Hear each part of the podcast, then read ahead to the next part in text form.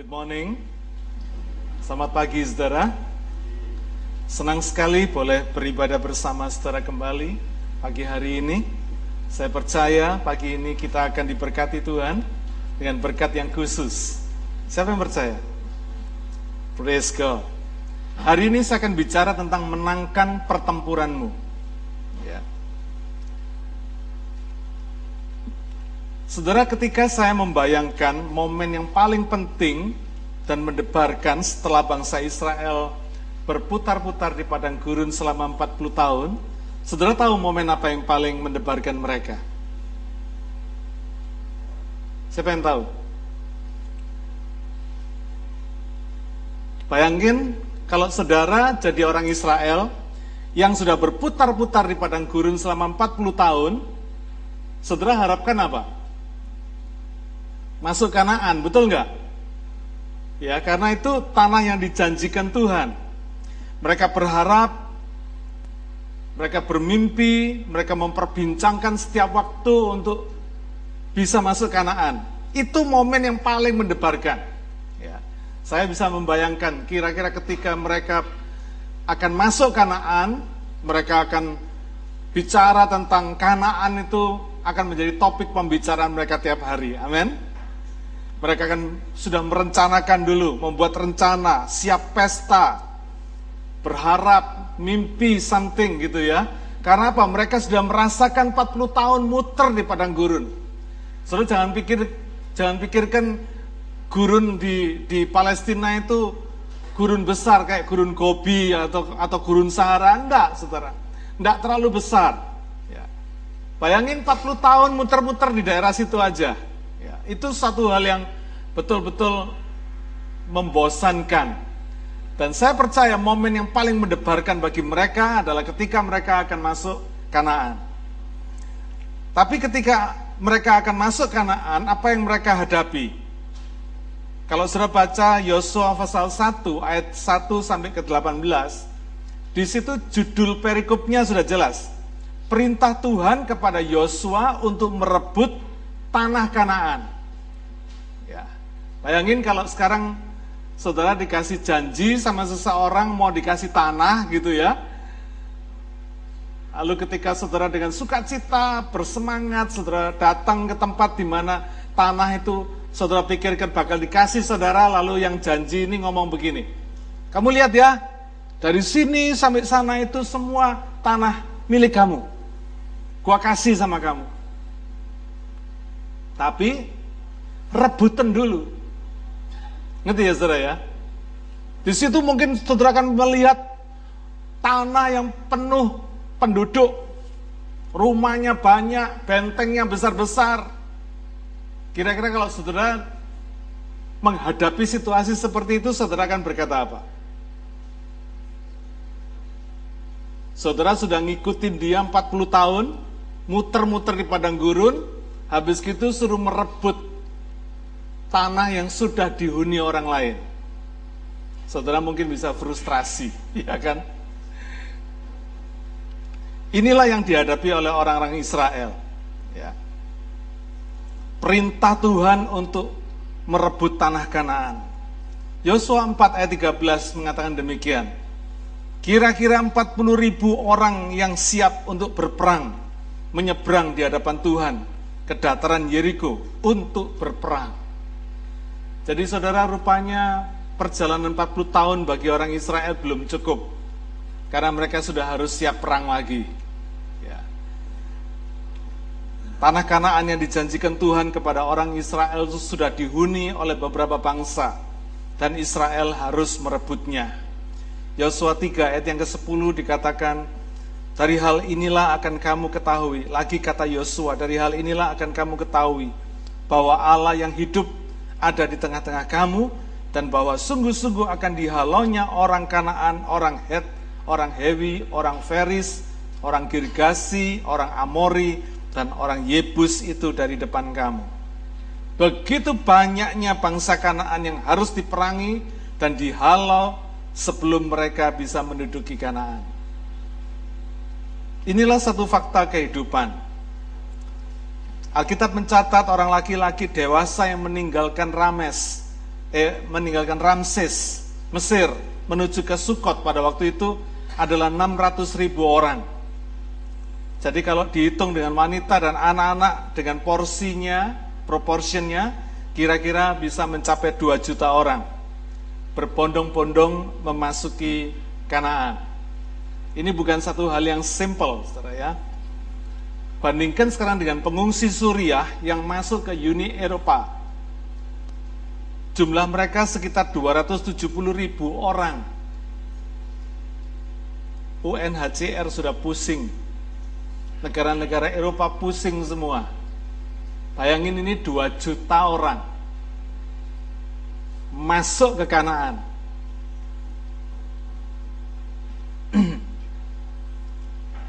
Saudara, kita semua tahu bahwa Kanaan itu sebuah gambaran rohani dari hidup yang penuh berkat dan dijanjikan Tuhan. Amin. Ya.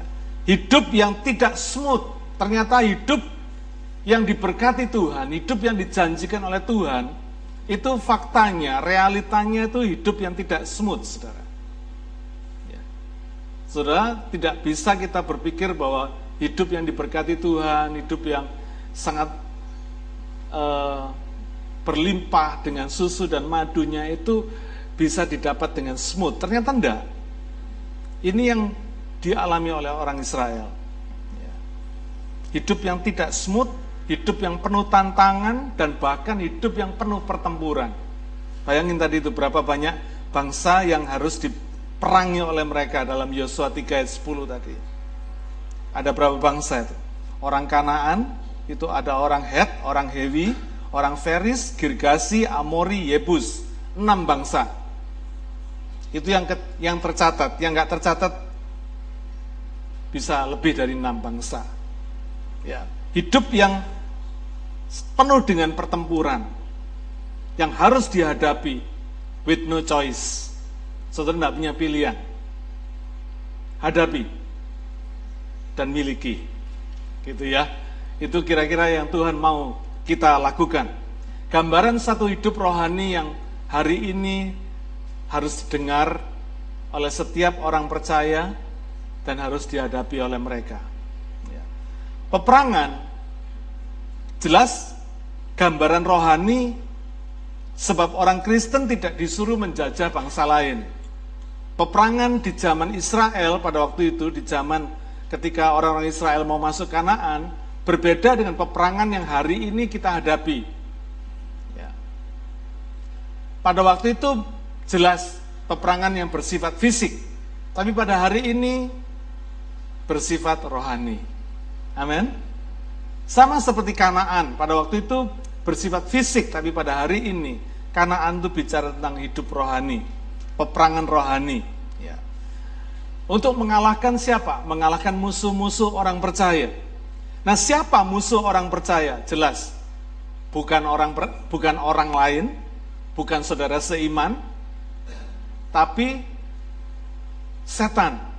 Ya, iblis setan dengan kuasa-kuasa jahatnya, dengan antek-anteknya itu musuh orang percaya. Ya. Karena itu hari ini kita akan bicara tentang relevansinya bagi kita semua, bagi hidup kita saat ini. Relevansinya sederhana, saudara. Bagaimana kita bisa memenangkan pertempuran hidup saudara dan saya? Amin. Kalau pada waktu itu orang Israel harus memenangkan pertempurannya melawan orang-orang Kanaan, tapi hari ini bagaimana saudara dan saya bisa memenangkan pertempuran rohani kita?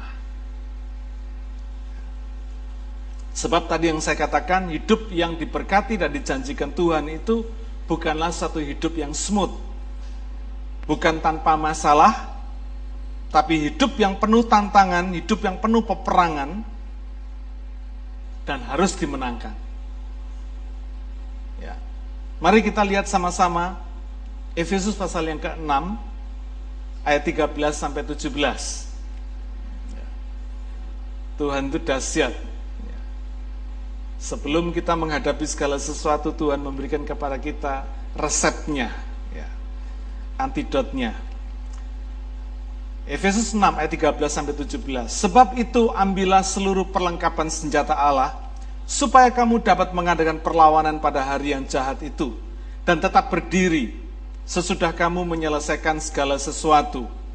Jadi berdirilah tegap, berikat pinggangkan kebenaran, dan berbaju sirahkan keadilan, kakimu berkasutkan kerelaan untuk memberitakan Injil damai sejahtera.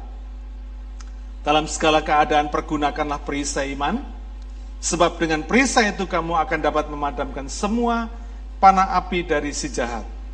Dan terimalah ketopong keselamatan dan pedang roh, yaitu firman Allah.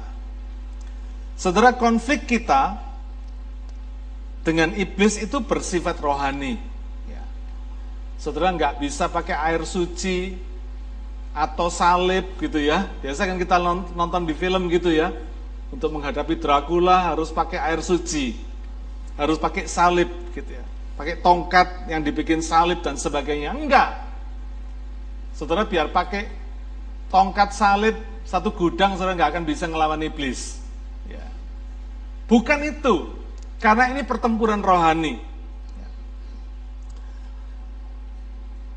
Dan lucunya Tuhan tidak pernah memberikan kepada kita contekan.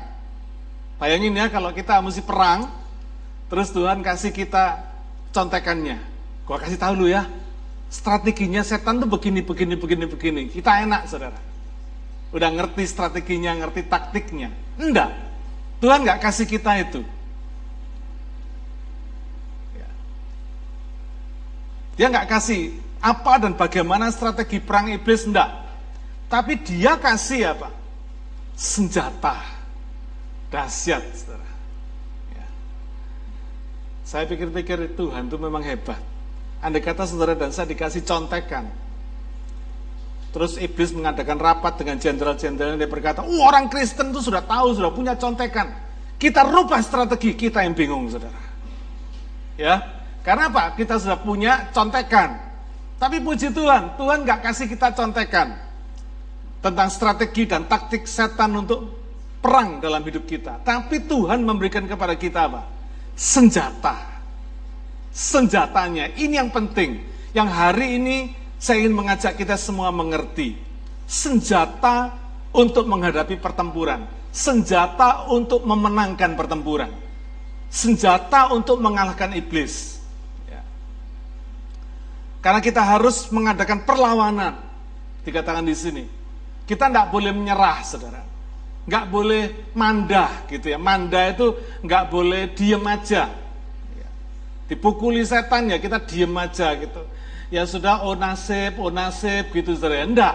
Orang Kristen enggak boleh diem aja gitu ya. Dipukuli setan kita mesti melawan, mengadakan perlawanan gitu ya.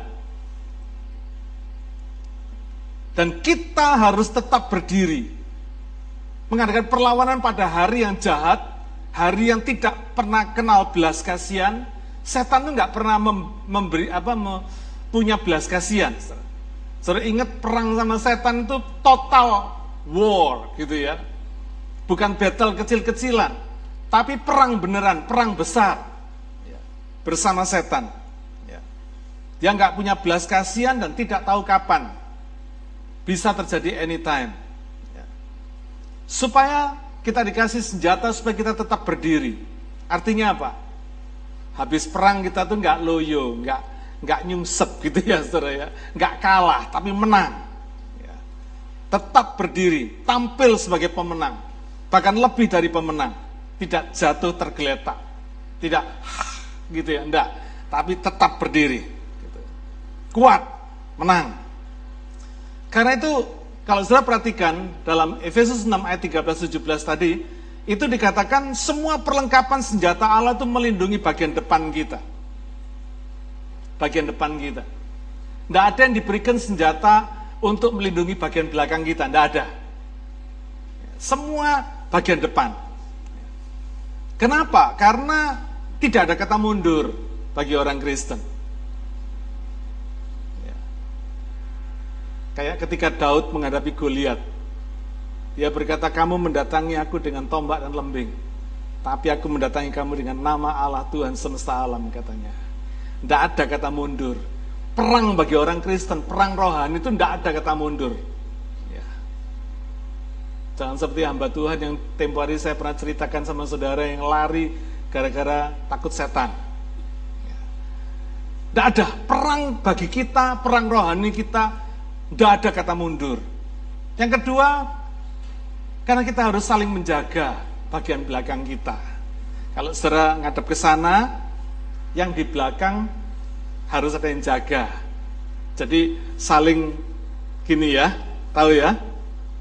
saling ber, berbelakangan gitu untuk menjaga kita masing-masing anak Tuhan itu harus bisa menjaga kelemahan satu sama lain. Bukan kelemahannya saudara seiman dibikin gosip, bukan. Tapi kelemahannya justru harus ditutupi, saudara. Harus di cover, harus dijaga supaya tidak menjadi sasaran tembak bagi musuh setan. Ya, itu penting sekali. Nah, Hari ini kita akan mulai belajar dulu dengan ikat pinggang kebenaran. Ya. Mengapa yang pertama Tuhan bicara tentang ikat pinggang kebenaran? Kita tahu saudara bahwa iblis itu pendusta, ahli dusta dan bapak segala dusta. Yohanes 8 ayat 44 mengatakan begini, Iblislah yang menjadi bapakmu dan kamu ingin melakukan keinginan-keinginan bapakmu. Ia adalah pembunuh manusia sejak semula dan tidak hidup dalam kebenaran. Sebab di dalam dia tidak ada kebenaran. Apabila ia berkata dusta, ia berkata atas kehendaknya sendiri. Sebab ia adalah pendusta dan bapak segala dusta. Karena itu Tuhan itu luar biasa sekali. Kita ini disuruh ngerti musuh kita ini siapa dan musuh kita ini bagaimana. Kira-kira begitu ya. Karena itu Tuhan siapkan kepada kita sabuk atau ikat pinggang kebenaran. Karena setiap hari saudara menghadapi pertempuran apa? Dusta. Hujan dusta dan kebohongan itu ada di dunia ini, saudara. Kita harus waspada terhadap serangan iblis dalam bentuk dusta dan kebohongan ini. Gosip. Digosok makin sip. Gitu ya. Ini gosip, saudara. Ya. Iblis pakai dosa ini untuk membujuk Adam dan Hawa. Sehingga dia makan buah larangan dan melawan Tuhan. Dan kalau saya perhatikan apa yang Alkitab katakan, dosa ini ada di urutan nomor dua. Yang paling dibenci Tuhan sesudah kesombongan. Dan menjadi kekejian bagi hatinya. Amsal 6 ayat 16-17. Enam perkara ini yang dibenci Tuhan. Bahkan tujuh perkara yang menjadi kekejian bagi hatinya mata sombong, lidah dusta, tangan yang menumpahkan darah orang yang tidak bersalah. Urutan nomor dua, dusta. Kalau sombong udah jangan dibilang lagi, ya. Dosanya Lucifer sama dosanya Adam sama Hawa sama, sama sombongnya. Nggak mau taat sama Tuhan. Jadi kalau ada orang yang tidak mau taat terhadap apa yang sudah dikatakan Tuhan, apa yang sudah diatur Tuhan, itu jelas. Pemberontak itu punya dosa kesombongan, saudara. Apa pun bentuk pemberontakannya, itu kalau sudah perhatikan cari akarnya kesombongan. Dan itu nomor satu dilawan Tuhan. Sehingga kita mengatakan dosa kesombongan itu adalah dosa yang di-attack sama Tuhan, diserang sama Tuhan. Jadi kalau saudara masih berani sombong, saudara siap-siap aja saudara akan menghadapi Tuhan. Karena itu saya selalu nasihatkan kepada seluruh jemaat. Makin pinter harus makin rendah hati. Amin. Makin kaya, makin diberkati harus makin rendah hati. Supaya saudara nggak dietek Tuhan. Dietek Tuhan itu sakit saudara. Dietek manusia aja sakit kok dia mau dietek Tuhan lagi. Mau coba silakan. Dusta ini nomor dua urutannya yang dibenci Tuhan dan menjadi kekejian bagi hati Tuhan. Itulah sebabnya senjata Allah nomor satu yang dikenakan adalah kebenaran. The truth. Saudara kita perlu baca bahasa Inggrisnya, the truth. Ya, terjemahan bahasa Inggrisnya. The truth. Memang dunia mengenal the truth. Tetapi the truth, truth, kebenaran yang betul-betul kebenaran, itu tidak ada selain cuma firman Tuhan. Amin. Kebenarannya manusia, kebenaran dunia ini relatif. Dulu saudara tidak berani pakai celana sobek sedikit pun. Karena apa? Mempermalukan orang tua, ya kan? Zaman saya dulu begitu, saudara. Celana sobek, wah, jangan coba pakai. Papa marah, apa papa mama mesti marah, kan gitu ya. Sekarang celana baik disobek beneran. Baru dipakai, harganya mahal lagi. Kebenaran dunia ini relatif. Dulu benar, sekarang salah. Dulu salah, sekarang benar. Relatif. Hanya satu kebenaran. Yang the true truth.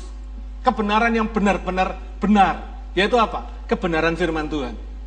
Kebenaran Allah. The truth dari Allah. Sehingga saudara tidak bisa menghadapi dusta dan kebohongan setan ini dengan kebenaran saudara sendiri atau kebenaran dunia ini. Tidak bisa.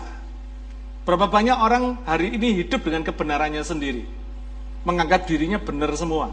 Yang lain salah semua. Jadi apa pun yang dikerjakan orang lain mesti salah semua. Kalau dia kerjakan, nah itu baru betul. Itu kebenaran sendiri. Self-righteousness. Orang nggak bisa menghadapi setan dengan kebenarannya sendiri kita mesti menghadapi dusta dan kebohongan setan tadi itu dengan apa? Kebenarannya Tuhan. Kalau dia dihadapkan setan dihadapkan pada kebenarannya Tuhan, nggak berkutik dia. Tapi kalau saudara menghadapi hidup ini dengan kebenaran saudara sendiri, tambah dimanjain setan saudara. Kenapa? Karena kebenaran saudara sendiri itu akan menghancurkan diri saudara sendiri. Setan akan berkata apa? Kalau kita merasa diri sendiri benar gitu ya, setan akan berkata, oh betul kamu. Kalau saudara lagi ribut sama orang gitu ya, lagi bertengkar, kan selalu merasa saya benar lu salah, kan gitu saudara ya. Itu kan kebanyakan orang begitu. Tidak pernah ada yang, berga, ada yang berpikir, salah saya apa ya? Kok saya sampai bentrok sama dia? Kok saya sampai konflik sama suami saya, konflik sama istri saya? Itu salah saya apa ya? Jarang ada yang orang evaluasi gitu, saudara. Jarang. Yang banyak apa? Saya benar, dia salah, ya kan? Tanpa disadari loh saudara, itu kebenarannya kita sendiri. Oh, hari ini saudara boleh merasa benar, tapi belum tentu benar loh. Dalam setiap konflik, belum tentu benar. Dan ketika kita merasa benar, kita punya self righteousness tadi, setan akan berkata apa? Benar, kamu benar, memang dia salah. Hajar aja, habisin aja, Jangan mau nyerah. Mungkin benar saudara cuma 10 persen. Salahnya 90 persen. Tapi setan berkata, lu benar. Kenapa? Ada 10 persen benar ya saudara. Tapi dia lupa. Orang yang self-righteousness. Tidak pernah menganggap dirinya salah. selalu menganggap diri benar, orang lain yang salah. Orang begini makanannya setan. Makanan empuk. Apalagi kalau pagi bangun tidur udah, udah ngomel duluan. Jadi breakfastnya setan. Nanti lunch ngomel lagi, jadi lunchnya setan. Malam ngomel lagi, jadi dinnernya setan. Kira-kira begitu ya. Makanya mesti hati-hati, saudara. Mesti hati-hati. Ya. Karena itu Tuhan memberikan apa?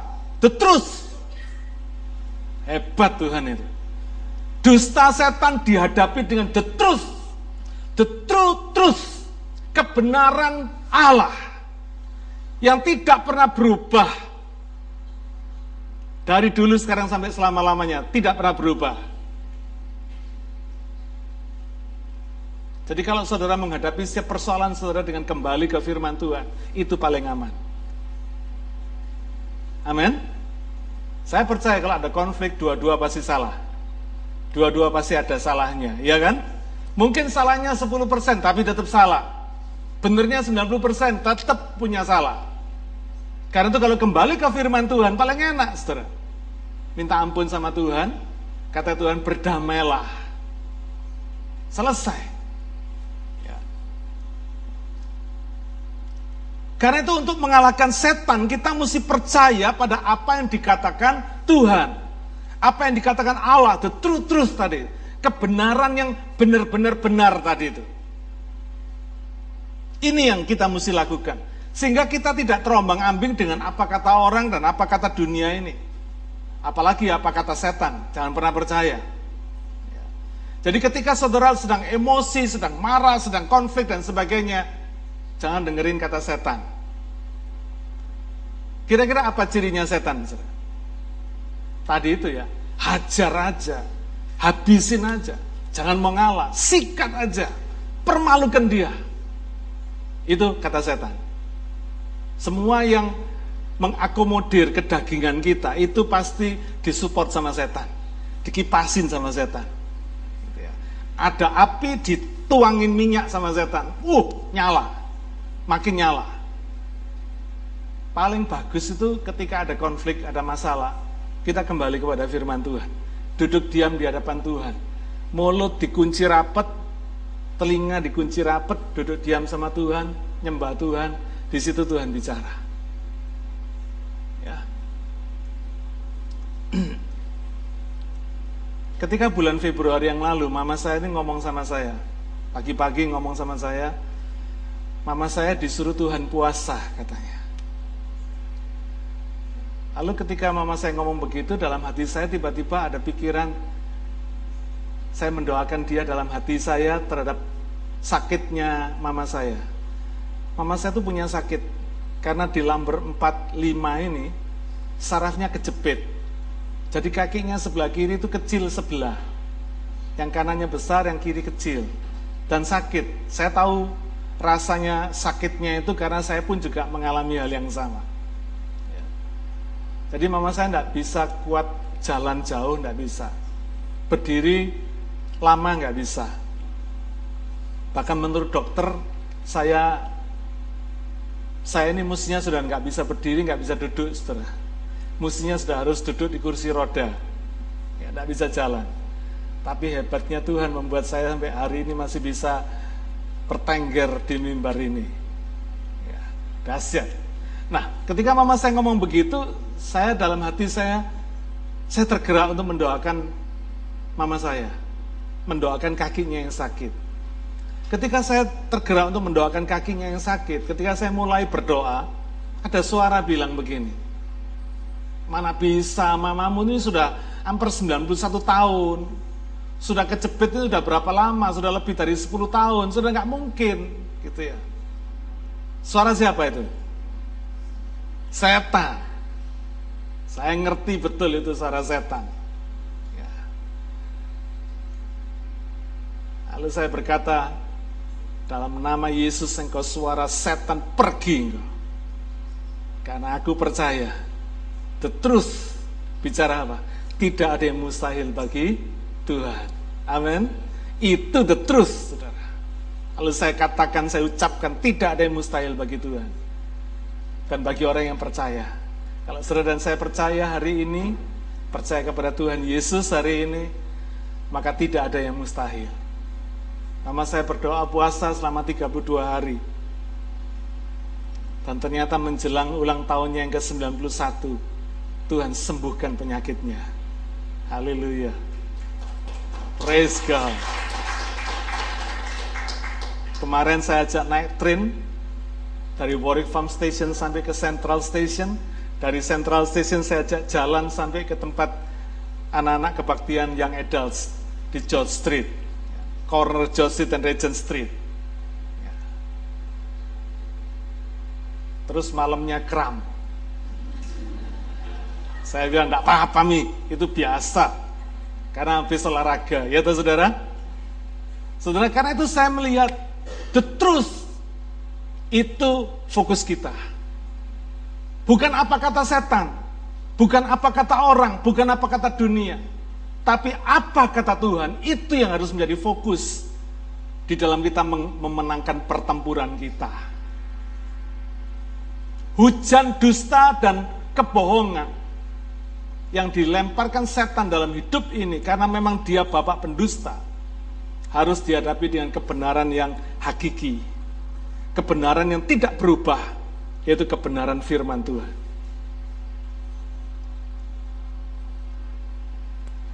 Yesaya 53 ayat yang kelima mengatakan, tetapi dia tertikam oleh karena pemberontakan kita. Dia diremukkan oleh karena kejahatan kita.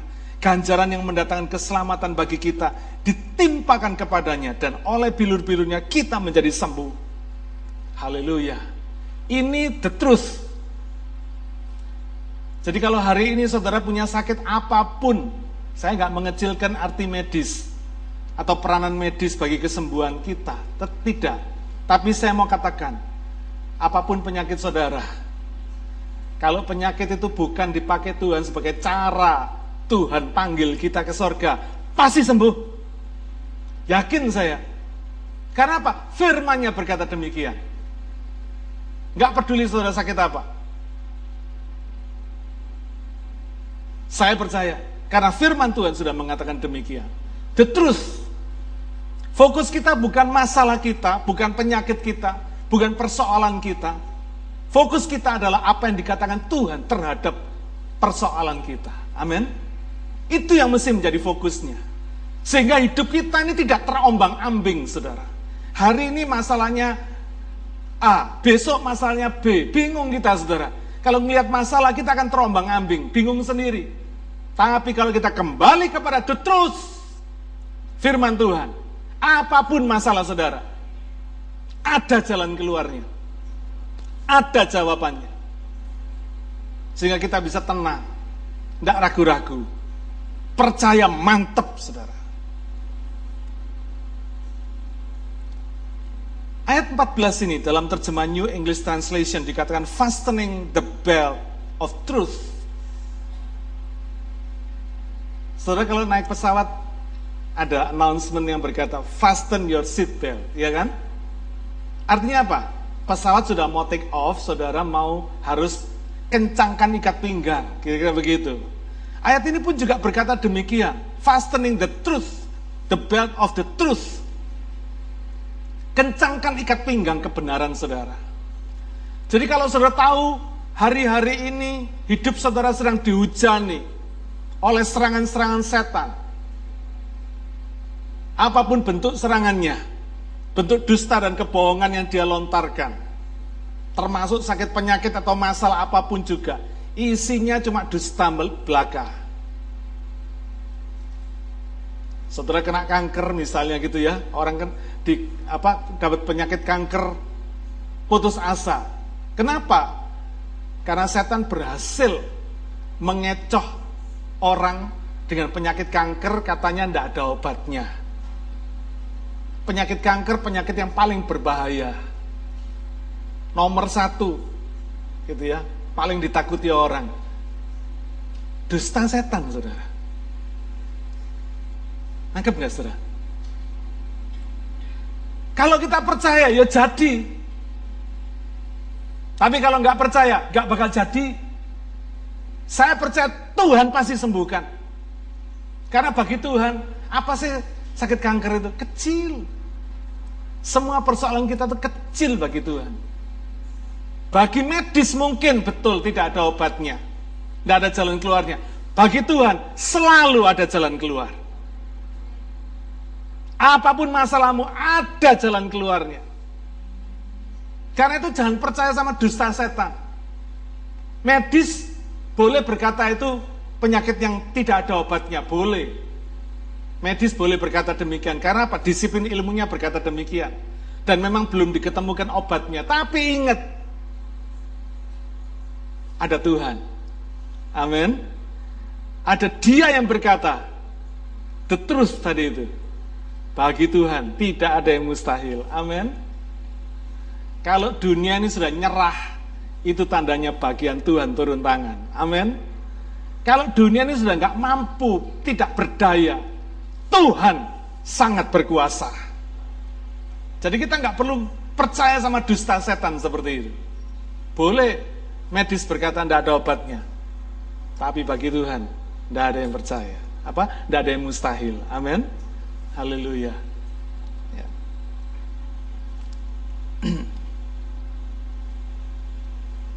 Hari ini tetapkan hati saudara untuk menghadapi segala kebohongan setan ini. Hujan dusta dan kebohongan setan ini. dengan fokus kepada firman Tuhan. Fokusnya bukan kepada yang lain, bukan kepada masalah, bukan kepada dunia, bukan kepada orang, apa kata orang, tapi apa kata Tuhan. Saudara akan mantap menghadapi segala situasi kehidupan saudara yang bervariasi, mantap. Ya, saudara nggak akan goyah sedikit pun. Karena itu untuk saudara bisa mengalahkan setan, tidak ada lain. Fokus pada kebenaran Tuhan. Kebenaran firman Tuhan yang sudah dikatakan oleh Tuhan. Karena dia, Tuhan kita, tidak pernah bohong. Amin. Firman Tuhan tidak pernah salah dan tidak pernah gagal.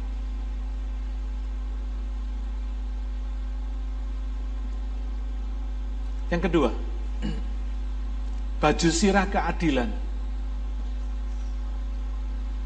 Saya ingin mengajak saudara melihat terjemahan bahasa Inggrisnya. Efesus 6 ayat yang ke-14. Stand there, stand therefore, having your loins girt about with truth, and having on the breastplate of righteous, uh, of righteousness dalam terjemahan World English Bible pun juga dikatakan stand therefore having the utility belt of the of truth buckled around your waist and having put on the breastplate of righteousness. Saudara perhatikan di sini, semua bicara tentang righteousness. Saya nggak ngerti kenapa terjemahan bahasa Indonesia tuh kok bisa jadi baju sirah keadilan itu dari mana gitu ya. Saya nggak ngerti, saudara ya. Ini dulu yang menerjemahkan lagi ngelindur atau mendem tua, saya nggak ngerti. Tapi yang jelas Alkitab berkata, saya cari di semua terjemahan, yang bicara tentang apa?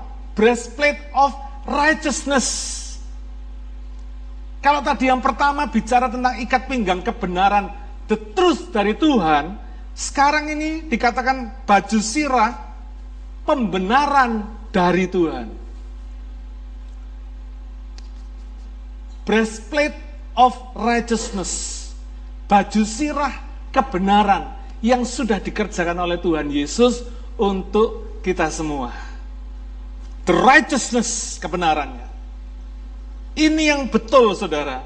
Baju sirah kebenaran yang diberikan Tuhan kepada kita. Pembenaran yang sudah dikerjakan Kristus di kayu salib untuk orang percaya. Roma 5 ayat 17. Sebab jika oleh dosa satu orang mau telah berkuasa oleh satu orang itu, maka lebih benar lagi mereka yang telah menerima kelimpahan kasih karunia dan anugerah kebenaran akan hidup dan berkuasa oleh karena satu orang yaitu Yesus Kristus. King James berkata, For if by one man's often death reign by one, much more they which receive abundance of grace and of the gift of righteousness shall reign in life by one, Jesus Christ. Jadi, tolong saudara garis bawahi baju sirah keadilan tadi itu menjadi baju sirah kebenaran, pembenaran. The breastplate of righteousness. Baju sirah pembenaran yang sudah Tuhan berikan kepada kita.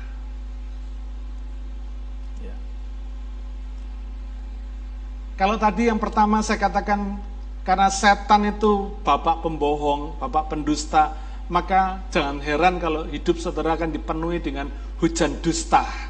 Termasuk hujan dusta di dalam persoalan-persoalan saudara. Ya.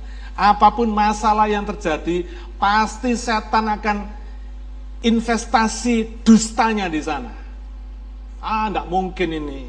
Kalau ini persoalan kecil, ini persoalan besar, kan gitu toh? Ini persoalan gawat ini. Itu semua isinya dusta setan. Bagi Tuhan itu tidak ada persoalan kecil, persoalan gawat, persoalan setengah besar, besar tidak ada. Bagi Tuhan semua persoalan kecil. Amin. Coba ngomong ke kiri kanan saudara. Bagi Tuhan persoalan itu semua kecil gitu saudara. Tidak ada yang besar itu. Kecil, Kenapa? Karena Tuhan kita besar. Ya. Itu hujan dusta yang pertama. persoalannya, pertempurannya. Sekarang yang kedua, Tuhan ingat kenapa? Senjata yang kedua. Pembenaran. Kalau tadi fokusnya kepada apa yang dikatakan Tuhan, yang kedua ini bicara tentang siapa saya. Who you are. Siapa saya? Dada kita ini, breastplate of righteousness. Bicara tentang gambar diri kita, orang percaya. Setan tidak bisa ganggu kita kalau kita ini tidak goyah.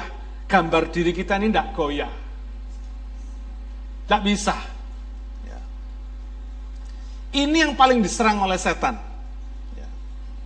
Sebab iblis adalah pendakwa orang percaya. Siang malam dia mendakwa. Apa yang didakwa setan? Kira-kira apa saudara? Yang didakwakan pada saudara. Dosa-dosa kita, betul nggak? Iblis nggak pernah mendakwa tentang kebaikan kita, tapi yang didakwa itu selalu dosa-dosa dan kesalahan kita. Itu yang terus dituduh, dikondem terus sama setan. Dibikin kita nih punya guilty feeling terus, merasa bersalah terus. Tentang gambar diri. Breastplate, dada, bicara tentang tubuh kita ini. Orang kalau ngomong saya kan, tidak pernah kan orang saya gitu, tidak pernah kan? saya. Karena itu saudara mesti ngerti prinsip ini ya. Tidak gitu nanti bingung. Saya, gambar diri. Kita kalau ngomong saya kan nepuk dada kan ya. Saya. Termasuk kalau menyombongkan diri, siapa saya? Kan nepuk dada gini ya. Tidak pernah, siapa saya? Gitu tidak pernah toh. Tidak pernah. Selalu tepuk dadanya, menepuk dada ini, sombong dada. Karena itu setan serang ini, gambar diri ini diserang. Who you are? Setan akan berkata, kamu orang benar, orang percaya. Mana? Kemarin masih maki-maki. Kok sekarang jadi orang benar? Gimana caranya? Kemarin masih nyuri waktu kerja. Kok sekarang berani puji Tuhan? Gimana ceritanya? Tidak ada kan gitu tuh. Setan selalu menuduh dosa dan kesalahan kita. Kemarin kamu waktu lampu merah sudah merah kamu terabas saja. Gimana bisa bilang orang percaya? Dibikin rusak, gambar diri orang percaya ini dibikin rusak. Dibikin bingung kita. Iya ya. Ah, kemarin saya barusan mestinya kembali 5 dolar dikasih kembali 50 dolar tak kantongi gitu ya. Gimana ini caranya ini? Saudara, kita dibikin ragu terus gitu ya akan dosa kita. Saudara saya mau kasih tahu saudara, orang percaya itu tidak kebal dosa. Tidak steril dari dosa, tiap hari masih bisa berdosa. Karena itu tiap hari perlu minta pengampunan dosa, ya kan? Tiap hari perlu evaluasi diri kita di hadapan Tuhan. Kalau salah ya jangan dilakukan lagi. Jangan cuma salah minta ampun, salah lagi minta ampun lagi, salah lagi minta ampun lagi. Bosen gitu saudara ya. Mungkin Tuhan nggak bosen, yang lihat bosen. Kita mesti belajar ngerti prinsip ini. Setan itu terus mengganggu gambar diri kita. Sehingga saudara akan bingung. Iya ya Pak, masa saya ini orang diselamatkan ya Pak? Wong kemarin saya apa membayar pajaknya kurang ya Pak. Sengaja mengurangi dikit-dikit lah tidak banyak-banyak, dikit-dikit. Gambar diri kita selalu diganggu, saudara.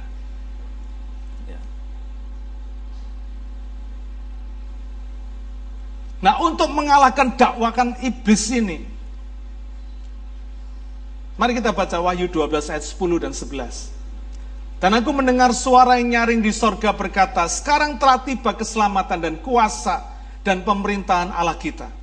Dan kekuasaan dia yang diurapinya karena telah dilemparkan ke bawah pendakwa saudara-saudara kita yang mendakwa mereka siang dan malam di hadapan Allah kita. Dan mereka mengalahkan dia oleh darah anak domba dan oleh perkataan kesaksian mereka. Karena mereka tidak mengasihi nyawa mereka sampai ke dalam maut. Alkitab mengatakan untuk mengalahkan urusan dakwakan, dakwaan setan ini. Pertama dikalahkan oleh darah anak domba. Darah Yesus Kristus yang sudah mati dan bangkit buat kita semua. Itu KO dia. Tidak bisa apa-apa, setan. Tidak bisa mendakwa. Ya. Kedua, dikatakan dikalahkan oleh apa? Oleh perkataan kesaksian mereka. Kesaksian yang bagaimana? Kesaksian saudara dapat mujizat? Enggak. Kesaksian saudara dapat berkat? Enggak. Semua kesaksian kita yang bicara soal mujizat, berkat, dan sebagainya, itu semua tidak akan pernah mengurangi atau mengendorkan dakwaan setan di dalam hidup kita. Enggak. Satu-satunya perkataan kesaksian kita yang membuat setan KO adalah perkataan kesaksian tentang siapa kita, orang yang sudah ditebus oleh darah anak domba. Jadi ketika setan berkata pada saudara, kamu pencuri kamu, pencuri duit, uang Tuhan, pencuri pajak, pencuri ini dan sebagainya. Saudara berkata, iya memang. Dulu, sekarang sudah diampuni sama Tuhan. Sekarang sudah bertobat. Kamu orang berdosa kok? Iya memang, saya orang berdosa. Tapi sudah diampuni. Sudah ditebus dosa saya sama Tuhan Yesus di kayu salib. Dan oleh iman saya terima pengampunan itu. Kamu orang tidak benar gitu kok. Ngaku orang percaya. Betul saya memang orang tidak benar. Tapi orang yang sudah dibenarkan oleh Kristus. Karena iman percaya saya kepadanya membuat hidup saya dibenarkan oleh Kristus.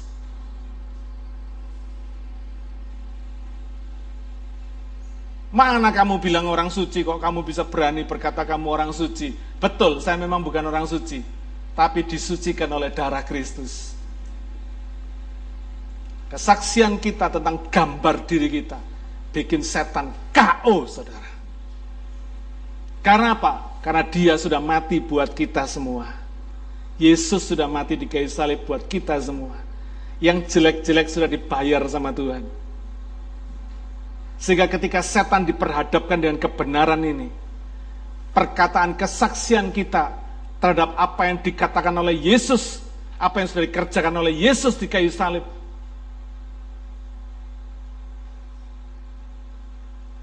setan tidak berdaya semua dakwaannya runtuh. Jadi dengan kata lain ketika setan mendakwa kita dengan dengan surat apa? hutang. Dengan segala hutang kita. Tuhan Yesus berkata, sudah lunas, udah gua bayar semua. Dosa kita mulai dari lahir sampai mati sudah dibayar lunas sama Yesus. Amin. Dengan perkataan kesaksian tentang gambar diri ini, setan tidak berdaya. Dia tidak akan berkutik. Ini perkataan yang mengalahkan dakwaan setan dalam Wahyu 12 ayat 10. Satu-satunya kesaksian yang membungkam dakwaan setan adalah kesaksian akan pembenaran yang sudah dikerjakan Yesus buat kita semua. Jangan mau dibuat ragu dan keselamatan akan keselamatan kita. Jangan mau dibuat kita ini bingung akan segala dosa-dosa kita. Sebab kita sudah diselamatkan. Dosa-dosa kita sudah diampuni. Dan oleh iman kita sudah dibenarkan. Oleh apa yang dikerjakan oleh Yesus Kristus di kayu salib 2000 tahun yang lalu. Jadi jadi orang Kristen kita mesti punya stand yang jelas, punya pengertian teologi yang mantap berdasarkan firman Tuhan. Bukan berdasarkan self righteousness kita. Tak bakal menang sama setan.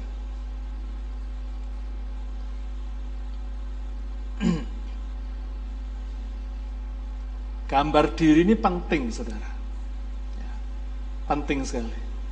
Mondi, saya ada foto satu. Ada? Tolong ditayangkan ya foto ini. Saudara ini kisah nyata.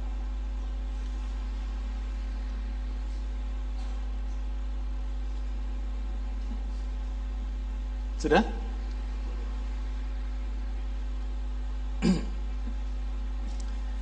Ada seorang ibu dengan dua anaknya. Ini cerita yang yang ditulis oleh seseorang, tapi tidak tahu siapa orang yang nulis cerita ini. Tapi cerita ini adalah cerita kebenaran, cerita yang benar. Ditunjukkan fotonya, ya. Ada seorang ibu dengan dua anak datang ke tukang soto. Ini terjadi di Jakarta. Ke tukang soto dia berkata gini, Pak, Maaf Pak sambil sambil malu-malu ibu ini ngomong sama tukang soto. Maaf ya Pak, maaf anak saya dua ini anak kecil-kecil ini ngotot terus Pak minta soto katanya. Tapi uang saya cuma tujuh ribu Pak.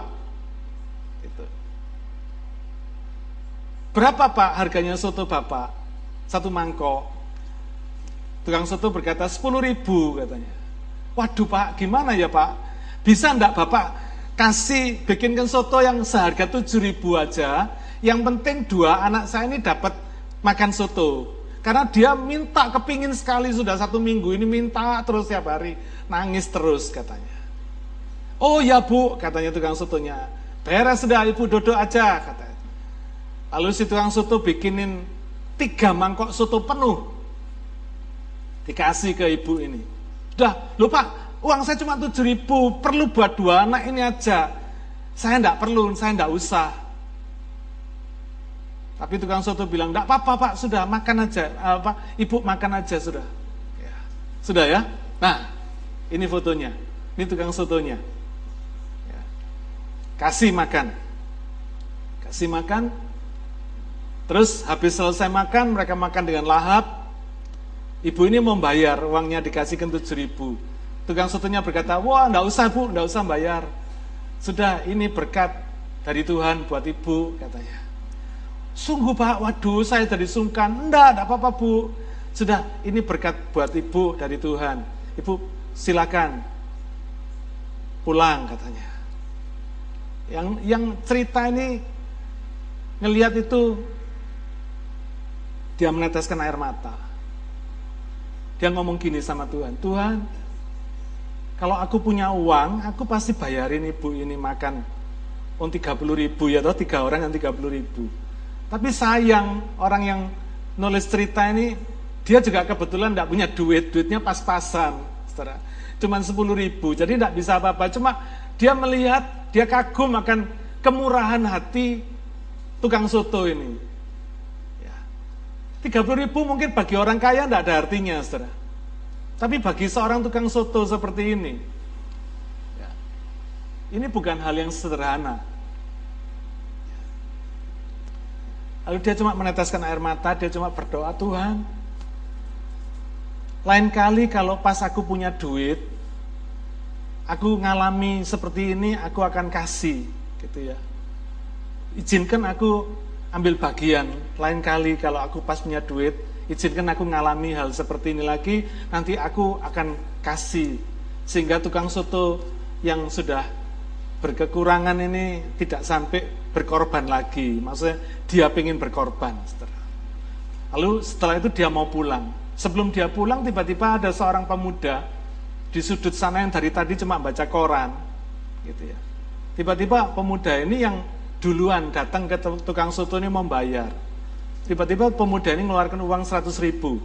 Kasihkan ke tukang soto, dia pergi. Dipanggil sama sotonya, eh dek, dek, dek, katanya. Kamu cuma makan soto satu. Ini uangnya 100 ribu, cuma 10 ribu. Oh enggak pak, enggak apa-apa, tadi sekalian buat bayar yang ibu sama dua anaknya tadi katanya. Loh ya meskipun dibayar ibu sama dua anaknya masih 40 ribu, kamu masih punya kembali 60 ribu. Terus si pemuda ini ngomong begini, oh enggak apa-apa pak, yang itu uang sekolah saya. Saya belajar kemurahan hati dari bapak sore hari ini. Ambil aja itu berkat dari Tuhan buat bapak. Penulis ini makin nangis, saudara. Yang nulis cerita ini makin nangis. Dia berkata, Tuhan, engkau sudah memberikan aku pelajaran. Orang yang bermurah hati kepada orang lain itu tidak pernah ditinggal Tuhan. Amin. Dia menabur kemurahan, dia juga menerima kemurahan, saudara. Amin. Luar biasa. Ya. Akhirnya dia mengambil keputusan, Tuhan saya tidak bisa apa-apa, tapi handphone saya ini masih ada kameranya, dia bilang. Terus dia foto tukang sotonya sambil malu-malu ini sudah lihat ini ya.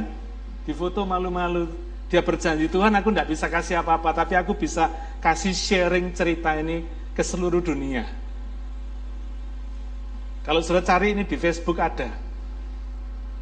Cerita ini ada. Dan cerita ini bukan cerita bohong, saya percaya. Apa yang kita bisa lihat dari cerita ini tadi? Sebuah gambar diri. Gambar diri yang jelas. Setiap orang itu kudu punya gambar diri yang jelas. Kalau orang tidak punya gambar diri yang jelas itu akan frustrasi, saudara. Dia akan terombang ambing ke sana kemari dan nggak ngerti dia mesti stand bagaimana dan siapa dirinya dia nggak ngerti. Kumpul sama orang baik jadi baik, kumpul sama orang jelek jadi jelek. Ini orang nggak punya gambar diri. Tapi kalau orang yang punya gambar diri, maka dia akan stand dengan mantap. Dia akan berdiri dengan mantap tegak berdiri, tidak akan goyah. Kiri kanan ngerokok, dia tidak akan ngerokok. Kiri kanan ngedrak, dia tidak akan ngedrak. Kiri kanan bohong, dia tidak akan bohong. Kiri kanan korupsi, dia tidak akan korupsi. Itu orang yang punya gambar diri yang jelas. Amin. Karena itu hari ini saya unggah cerita ini.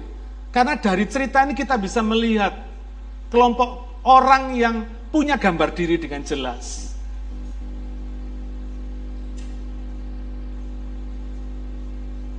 Kalau tukang soto, ibu dan anak tadi itu, pemuda yang baca koran tadi itu, sama termasuk orang yang nulis cerita ini, sudah melakukan bagiannya. Menceritakan who they are, siapa mereka. Pertanyaannya hari ini, who you are, who are you? Itu yang mesti dijawab. Apakah kita ini sudah punya gambar diri yang jelas? Apa kita ini cuma anut-anutan? Teman saya ke kiri, saya ke kiri. Teman saya ke kanan, saya ke kanan. Gitu. Teman saya ke belakang, saya ikut mundur ke belakang. Gitu. Teman saya tidak ke gereja, saya pun juga tidak ke gereja. Kira-kira gitu ya. Apakah kita jadi person, jadi orang yang seperti itu? Itu menunjukkan kita tidak punya gambar diri yang jelas. Dan orang-orang seperti ini yang tidak punya gambar diri yang jelas, tidak punya prinsip hidup yang jelas, tidak akan pernah bisa menang melawan serangan-serangan setan. Amin. Yang ketiga, berkasutkan kerelaan memberitakan Injil damai sejahtera. Minggu depan. Don't miss next week. Amin. Mari kita berdoa.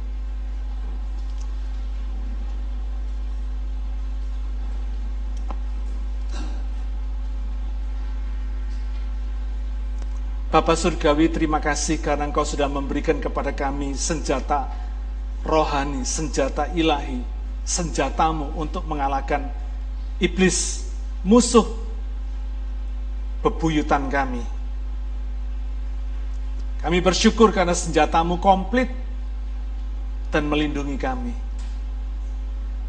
Meyakinkan kami bahwa kami akan tegak berdiri setelah hari yang jahat itu. Bapa, terima kasih. Meteraikan firmanmu dalam hati dan pikiran kami. Supaya tidak ada yang kelewatan dan tidak ada yang kelupaan. Sehingga ketika kami menghadapi setiap pertempuran kami, hari lepas hari, kami boleh mengalahkan musuh-musuh kami dan memenangkan pertempuran kami. Terima kasih ya Bapak. Kami sungguh percaya akan apa yang kau katakan. Karena kebenaranmu adalah kebenaran yang hakiki. Kebenaran yang tidak berubah dulu sekarang sampai selama-lamanya. Kebenaran kekal yang telah memberikan kepada kami kehidupan kekal. Kami juga bersyukur karena engkau sudah memberikan pembenaran dalam hidup kami. Sehingga kami punya gambar diri yang jelas, gambar diri yang mantap. Karena engkau sudah memerdekakan kami. Engkau sudah mengampuni dosa kami. Engkau sudah menyucikan kami dan membenarkan kami. Sehingga kami hidup dengan percaya kepadamu Tuhan. Percayakan apa yang sudah engkau kerjakan, bukan terhadap apa yang kami kerjakan. Karena apa yang kami kerjakan tidak sempurna, tidak komplit, bahkan sering mengalami kegagalan. Tapi apa yang kau kerjakan tidak pernah salah dan tidak pernah gagal. Sempurna sekali untuk selama-lamanya. Bapak terima kasih. Kami mengucap syukur akan segala kebaikan hatimu. Kebaikanmu kepada kami. Terima kasih Bapak. Biarlah dua senjata yang kami telah pelajari hari ini boleh menguatkan kehidupan kami, memenangkan setiap pertempuran di hari-hari yang kami hadapi. Dalam nama Tuhan Yesus, kami berdoa dan mengucap syukur.